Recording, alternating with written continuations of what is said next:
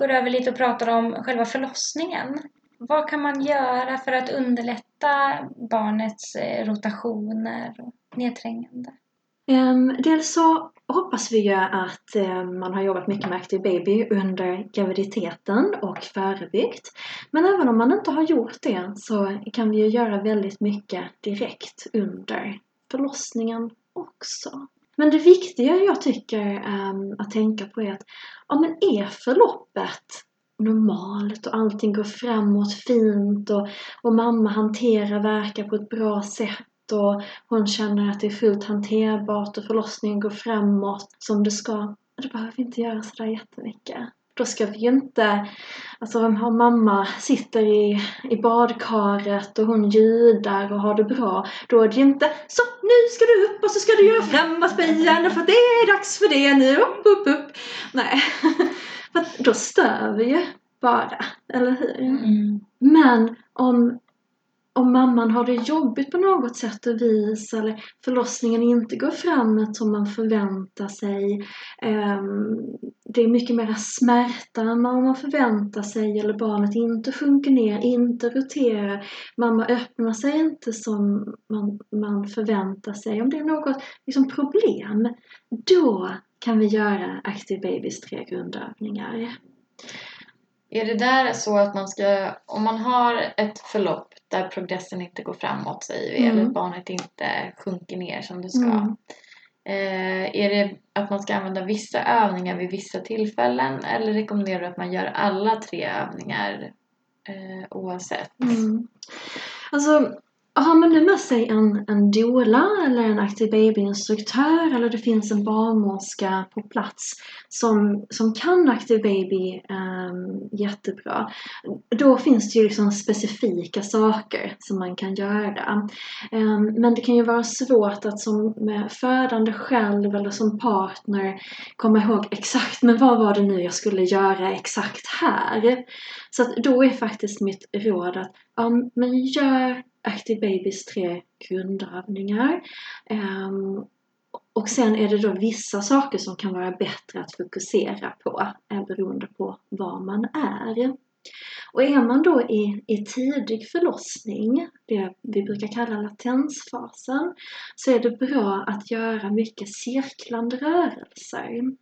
Så um, sitt på en boll och gör cirklar, dansa, um, gör åttor med höfterna. Ja, man gör liksom mycket rörelser och de tre grundövningarna här um, kan vara väldigt, väldigt bra att göra. Um, och sen när man är mer i, i mitten av um, förlossningen, när barnet står i mitten av bäcknet, det barnmorskan kan beskriva som att barnets huvud står vid spinen. Då är det väldigt bra att göra bensläppet och framåtböjaren. Um, i detta skedet är det också bra att fokusera på rörelser. Men här vill vi gärna ha ojämna rörelser. Um, och det kan ju vara att man går i trappor att man gör benlyft, eh, att man har en fot på en stol och den andra i golvet och man gungar fram och tillbaka. Eh, vad kan det mer vara för ojämna rörelser? Kommer du på? Mm, jag tänkte på den där när man ställer upp benet på en stol fast på gåbordet då, som, eh, ja. som du gjorde någon gång Annika när vi var och testade gåbord. Ja, nej men lite som jag brukar tipsa mina klienter om att göra utfall. Alltså mm. man ställer upp ena benet på gåbordet och så gör man som ett liksom, utfall. Mm. Och så byter man ben och så gör man varannan verk med varannat ben. Mm. Eller tre verkar på ena sidan och tre på andra. Mm. Jag tycker ju bensläppet där ofta är väldigt bra att hjälpa bebisen att sjunka ner. Um, Däremot så kan det vara jobbigt om man har väldigt, väldigt täta verkar och inte tycker att det är skönt att ligga ner. Då kan det bli mm. liksom bensläpp 10 sekunder och sen upp och ta en verk och så bensläpp och så upp och ta en mm. verk. Då vet man inte riktigt om det kanske är värt liksom. Mm. Och där är det ju om man känner att men jag har haft jättetäta verkar under jättelång tid och det gör jätte, jätteont och det ah, ska jag ta en epidural eller ska jag inte ta en epidural? Jag vill egentligen inte ha en epidural men det gör så åh, fruktansvärt ont. Är man i det läget, ja, men då kanske man ska pröva bensläppet först. Och sen ge det 20 minuter att verka. Så kanske man känner att ja, men nu kan jag faktiskt hantera smärtan. Det kanske var jättejobbigt att göra bensläppet i detta skedet, men sen så förändras ja, hur, hur verkarna är. Smärtan blir mer hanterbar för att barnet kanske pushade på för att komma förbi det här trånga utrymmet i bäcknet. Och det var det som gjorde så ont. Men nu har barnet kunnat passera där och nu blir det mer hanterbart. Och man står inte kvar på samma ställe längre heller. Så eh, ja, bensläppet kan ibland vara jobbigt i detta läget. Men det kan också vara jobbigt att stå kvar på samma ställe. Mm. Mm. Och ibland kan ju min upplevelse att bensläppet kan vara väldigt effektivt eh, även om man gör det ganska kort stund. Jag hade till exempel en mamma, vi hann göra bensläppet 15 sekunder och sen splash gick hennes vatten. Mm. Och det var verkligen så här kombination av att hon slappnade av och låg där och Mm. gjorde den här stretchen. Mm. Ja, ja. Jag också sett fantastiska resultat av, av bensläppet när det börjar liksom diskuteras att ah, men det får nog liksom bli syrklocka eller, eller jag tror inte det går vaginalt överhuvudtaget. Vi får nog göra kejsarsnitt här för nu har det gått så många timmar och, och det händer ingenting. Mm. Och jag bara, ja men mamma mår väl bra, bebis mår väl bra? Jo, säger barnmorskan, så det är ju inte så att vi har bråttom. Och då frågar jag, men kan jag få göra en övning först då? Här och berätta lite grann vad bensläppet handlar om och så går barnmorskan med på det. Ehm, och sen gör vi den 20 minuter på varje sida och en timme senare är barnet fött. Fantastiskt. Eh, så, Mm. och vi behövde inte någonting annat än bensläppet. Mm. Också Mm. tycker jag att det är ett väldigt effektivt sätt att undvika värkstimulerande dropp till exempel som används i väldigt stor utsträckning i Mm. Sverige idag. Eh, när det börjar liksom talas om det, redan då tycker att man kan läsa mycket från mamman att hon blir stressad och oroad för hon kanske har tänkt att hon inte vill ha värkstimulerande dropp. Ja. Så därför gör jag ofta de här övningarna innan det för att liksom undvika att de ska komma in och, och börja prata om värkstimulerande dropp och svaga verkar och så vidare. Mm. Men att eh, det är väl ett effektivt sätt att, att slippa det om Mm. man kan hjälpa bebisen att komma ner. Absolut. Istället för att stressa bebisen med ännu starkare och ännu tätare verkar. Men det är för trångt för bebisen. Mm. Sjukvården pratar ju väldigt mycket om att vi ska ha starka verkar, vi ska ha mycket kraft för att få detta barnet att komma igenom bäcknet. Men inom Active Baby så, så pratar vi istället om att men vi skapar mycket plats och, vi, och med platsen så kan barnet göra dessa rotationerna och har vi mycket plats då behöver vi inte lika mycket kraft. Och har vi plats, då blir det också mycket mjukare både för mamman och för bebisen. Men vi vet ju att när vi behöver ha mycket kraft, då blir det ju mycket mer stress eh, för både mamma och bebis. Det blir mer smärtsamt för mamma. Bebisen eh, blir mer stressad. Vi behöver övervaka mera. Det blir mera eh, ja, bristningar i underlivet, vi behöver använda syrklocka och kejsarsnitt oftare. Så att, att bara gå på att ja, men vi måste ha mera, mera kraft, vi måste ha mera liksom, värkstimulerande dropp. Ja, vi kanske kan pröva först i varje fall att skapa denna platsen. Och det gör vi genom olika ställningar och rörelser och Active Babys grundövningar. Ja. Jag tyckte du sa det så fint på utbildningen när vi gick den. eh, Mm. Att eh, man kan göra som en jämförelse med om man har en lastbil och en tunnel. Mm. Att eh, är det en för liten tunnel så kommer inte lastbilen passera även om man kör i 400 kilometer i timmen. Mm. Det här med att det handlar ju om plats och att få plats. Alltså den metaforen till Mm. ett verkstimulerande dropp. Att om barnet Mm. inte ligger optimalt Mm. så hjälper det inte med att man pressar på där med ett, med ett dropp. Mm. Nej, jag brukar jämföra det med att man har en sån här låda som barn leker med där det är runda och fyrkantiga hål. Att man Mm. försöker trycka igenom en fyrkantig kloss genom ett runt hål och tvärtom. Mm. Det blir lite den känslan när man sätter verkstimulerande dropp, att man trycker på uppifrån på bebisen. Att Mm. tränga igenom genom ett eh, för trångt hål. Att det, Mm. som du säger, ofta blir en stressad bebis. Ja, ja.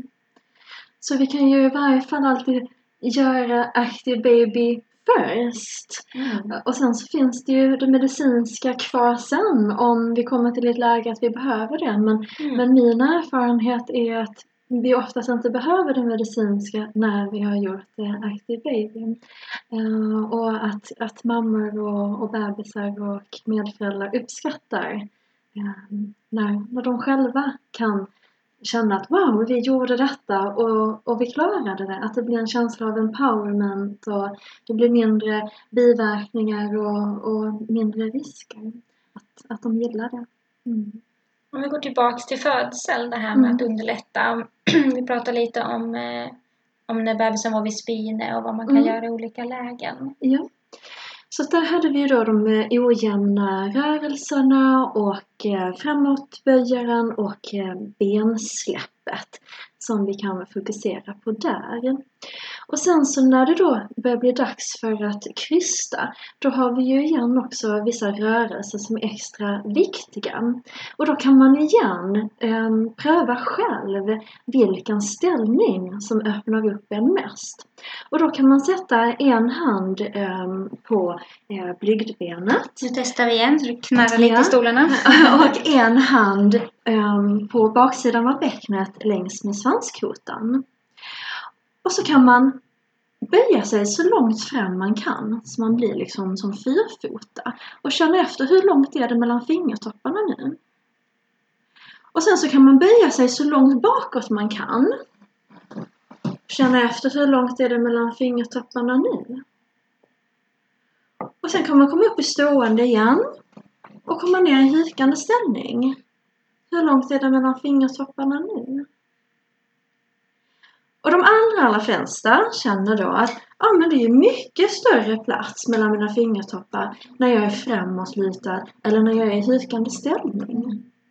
Och det säger också forskning, att när du är framåtlutad och i hukande ställning, då har du 30% mera plats i ditt bäcken än om du ligger på rygg. Så att ja, det är ju bra ställningar då att välja. Men sen har vi en sak till som vi kan tänka på, så nu kan vi sätta oss på våra händer igen och hitta de där sittbenen som vi kände på tidigare. Och nu kan vi pröva att ta knäna ihop och fötterna isär. Nu känner ni fortfarande dessa sittbenen, eller? Mm. Och nu så tar vi ihop fötterna och isär knäna. Vad händer nu? Det blir mycket trängre Mm. om man har knäna ifrån varandra. Ja. För att sittbenen vinklas in och Mot varandra. emot varandra. Ja.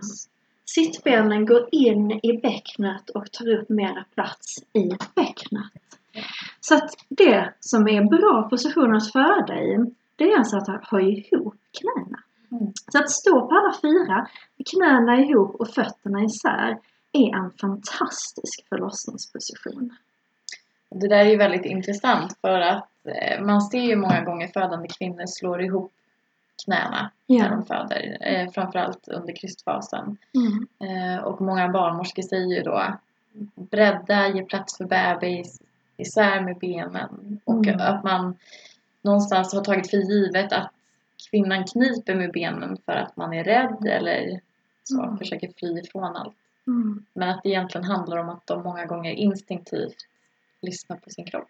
Mm. Och det är någonting som man bara, man bara alltid har sagt på något sätt. Så här, men bredda, det känns så här naturligt att om man öppnar upp eh, knäna så öppnar man också upp bäckenet. Alltså Mm. man, man kanske inte har reflekterat över ens för riktigt vad man säger. Mm. Eh, tips om ett eh, inlägg vi gjorde på Instagram med en bild på mig när jag hänger på ett gåbord och ser ut som att jag ska kissa. Jag sitter med, har med knäna ihop.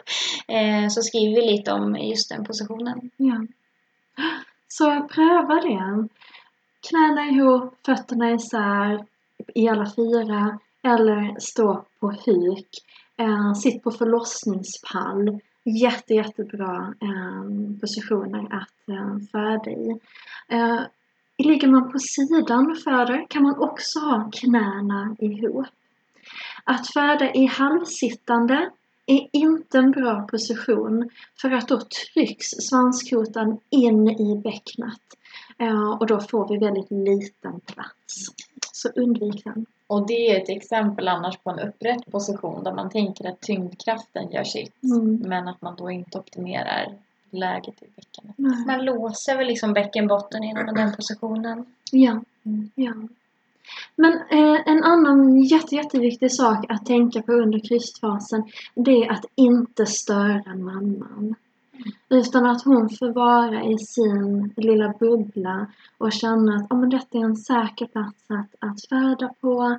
Ehm, så att man inte man försöker undvika att byta personal eller skramla med instrument eller tända starka lampor eller ändra för mycket i miljön runt omkring henne. Utan att hon får vara i sin kropp, att hon får följa sin kropp, kryssa utifrån vad hennes kropp säger till henne att göra.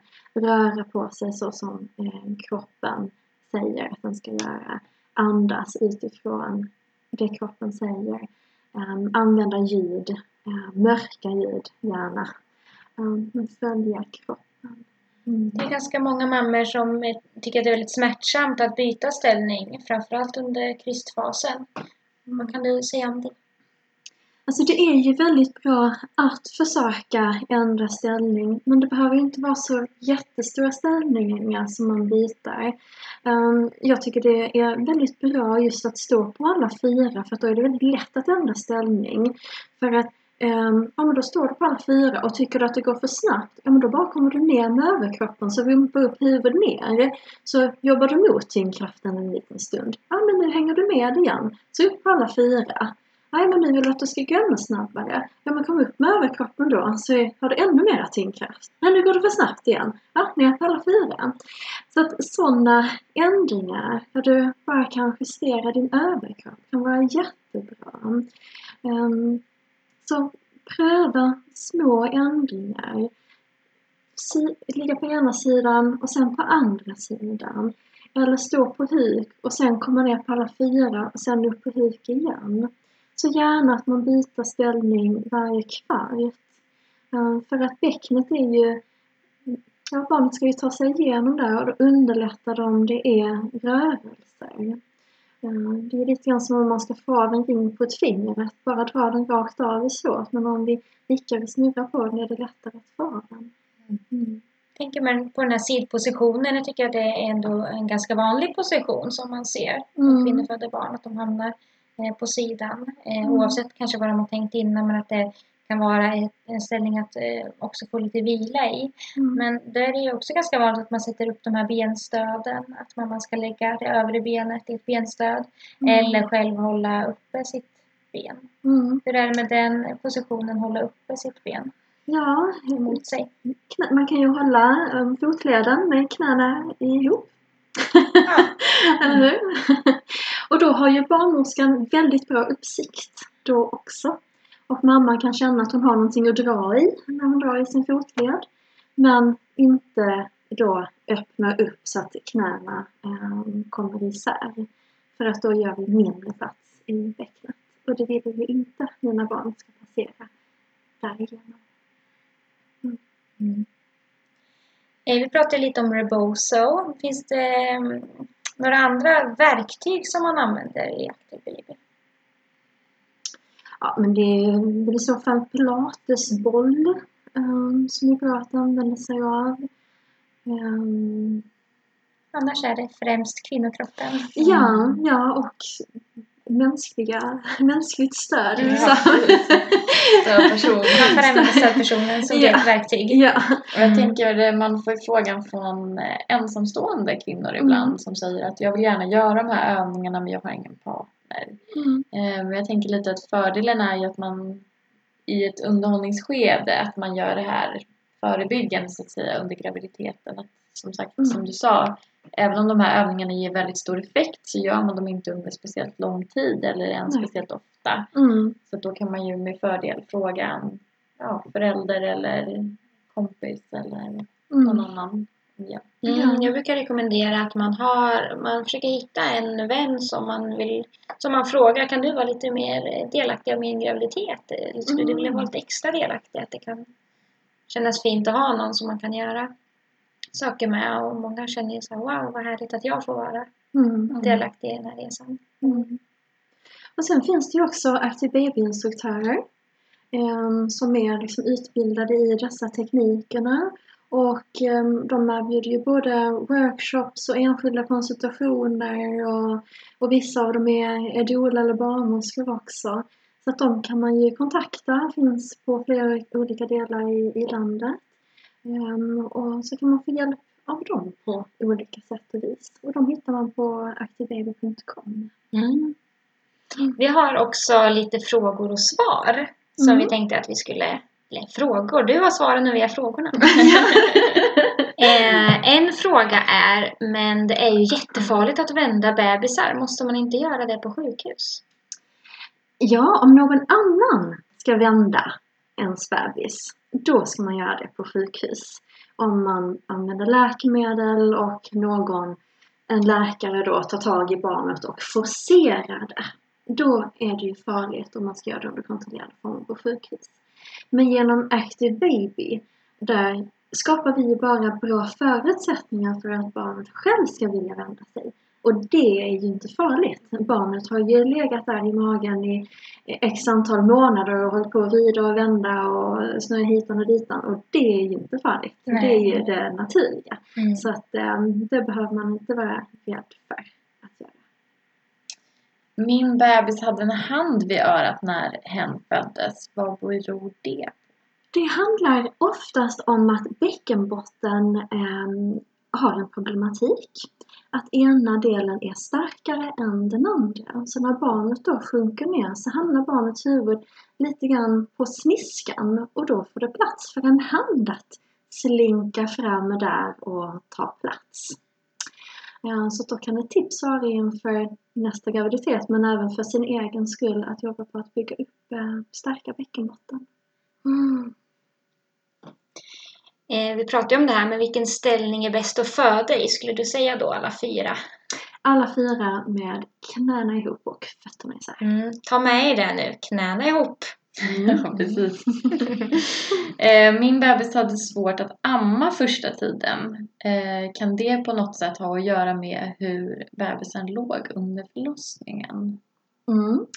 Eh, Det kan det absolut göra. Om barnet ligger i eh, vidöppet läge under förlossningen och alltså inte har hakan mot bröstet, då blir det en, ett stort tryck på barnets nacke.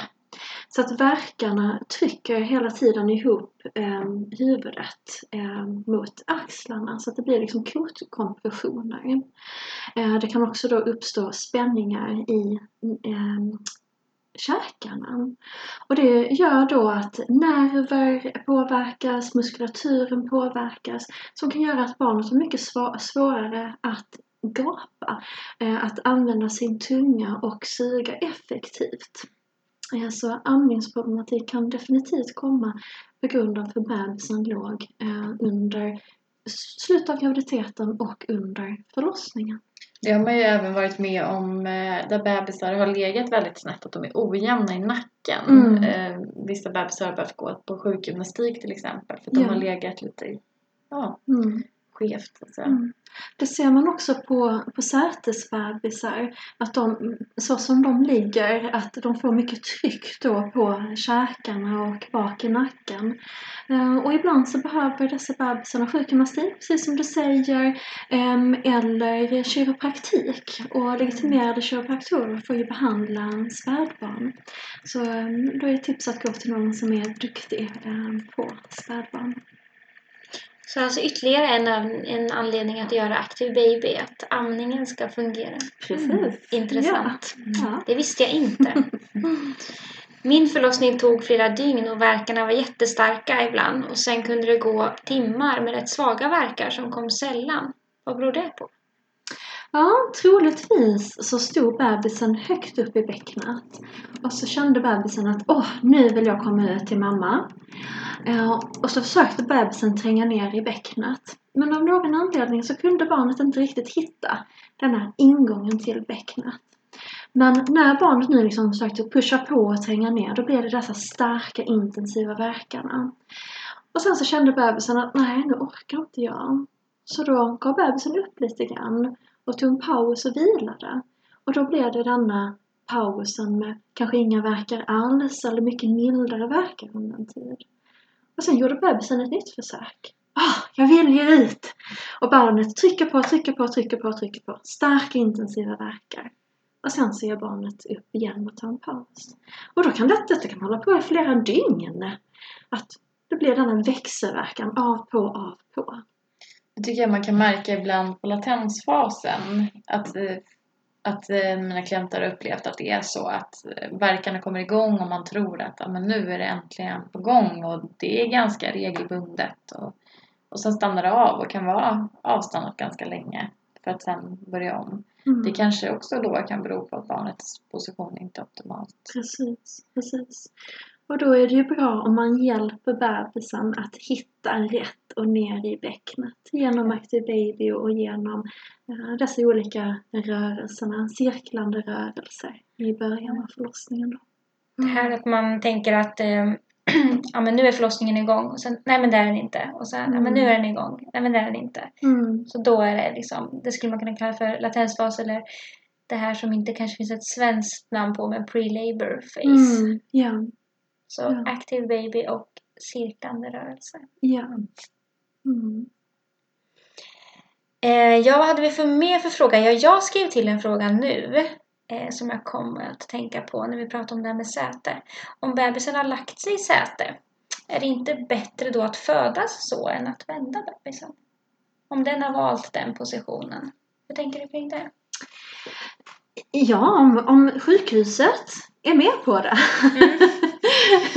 man kan ju faktiskt föda i säte, ja, ja, ja. Det, det är klart man kan föda i säte eh, och, och det kan gå jättebra att göra det. Eh, vid sätesförlossningar ska man absolut använda sig av eh, Active Baby så att man med jämna eh, regelbund gör framåtböjaren och bensläppet. Under förlossningen. under förlossningen. Eh, Så att vi hela tiden skapar så, så mycket plats som möjligt. Men mycket handlar ju om att man behöver ha en trygghet själv i att nu ska jag föda på detta viset och att man behöver ha en trygghet i personalen som, som finns med. Ehm, För att det gör ju också jättemycket för om det ska bli en bra förlossning eller inte. Mm. Mm. Mm. Hade du någon mer fråga Annika, eller något du tänkte på? Eh, nej, jag tror vi har avhandlat det mesta. Mm. Om ni har fler frågor så kan ni skriva dem eh, till oss och så kan vi lägga upp lite frågor och svar. Eh, sista saken Sanna, hur når man dig? Var hittar man dig? På min hemsida activebaby.com Mm. eller på min eh, Facebook-sida Active Baby. Mm. Stort tack för att du kom Sanna. Ja. Jätteroligt. Ja, Det var jättekul att vara här. kul att Tack ha dig här. mycket. Tack!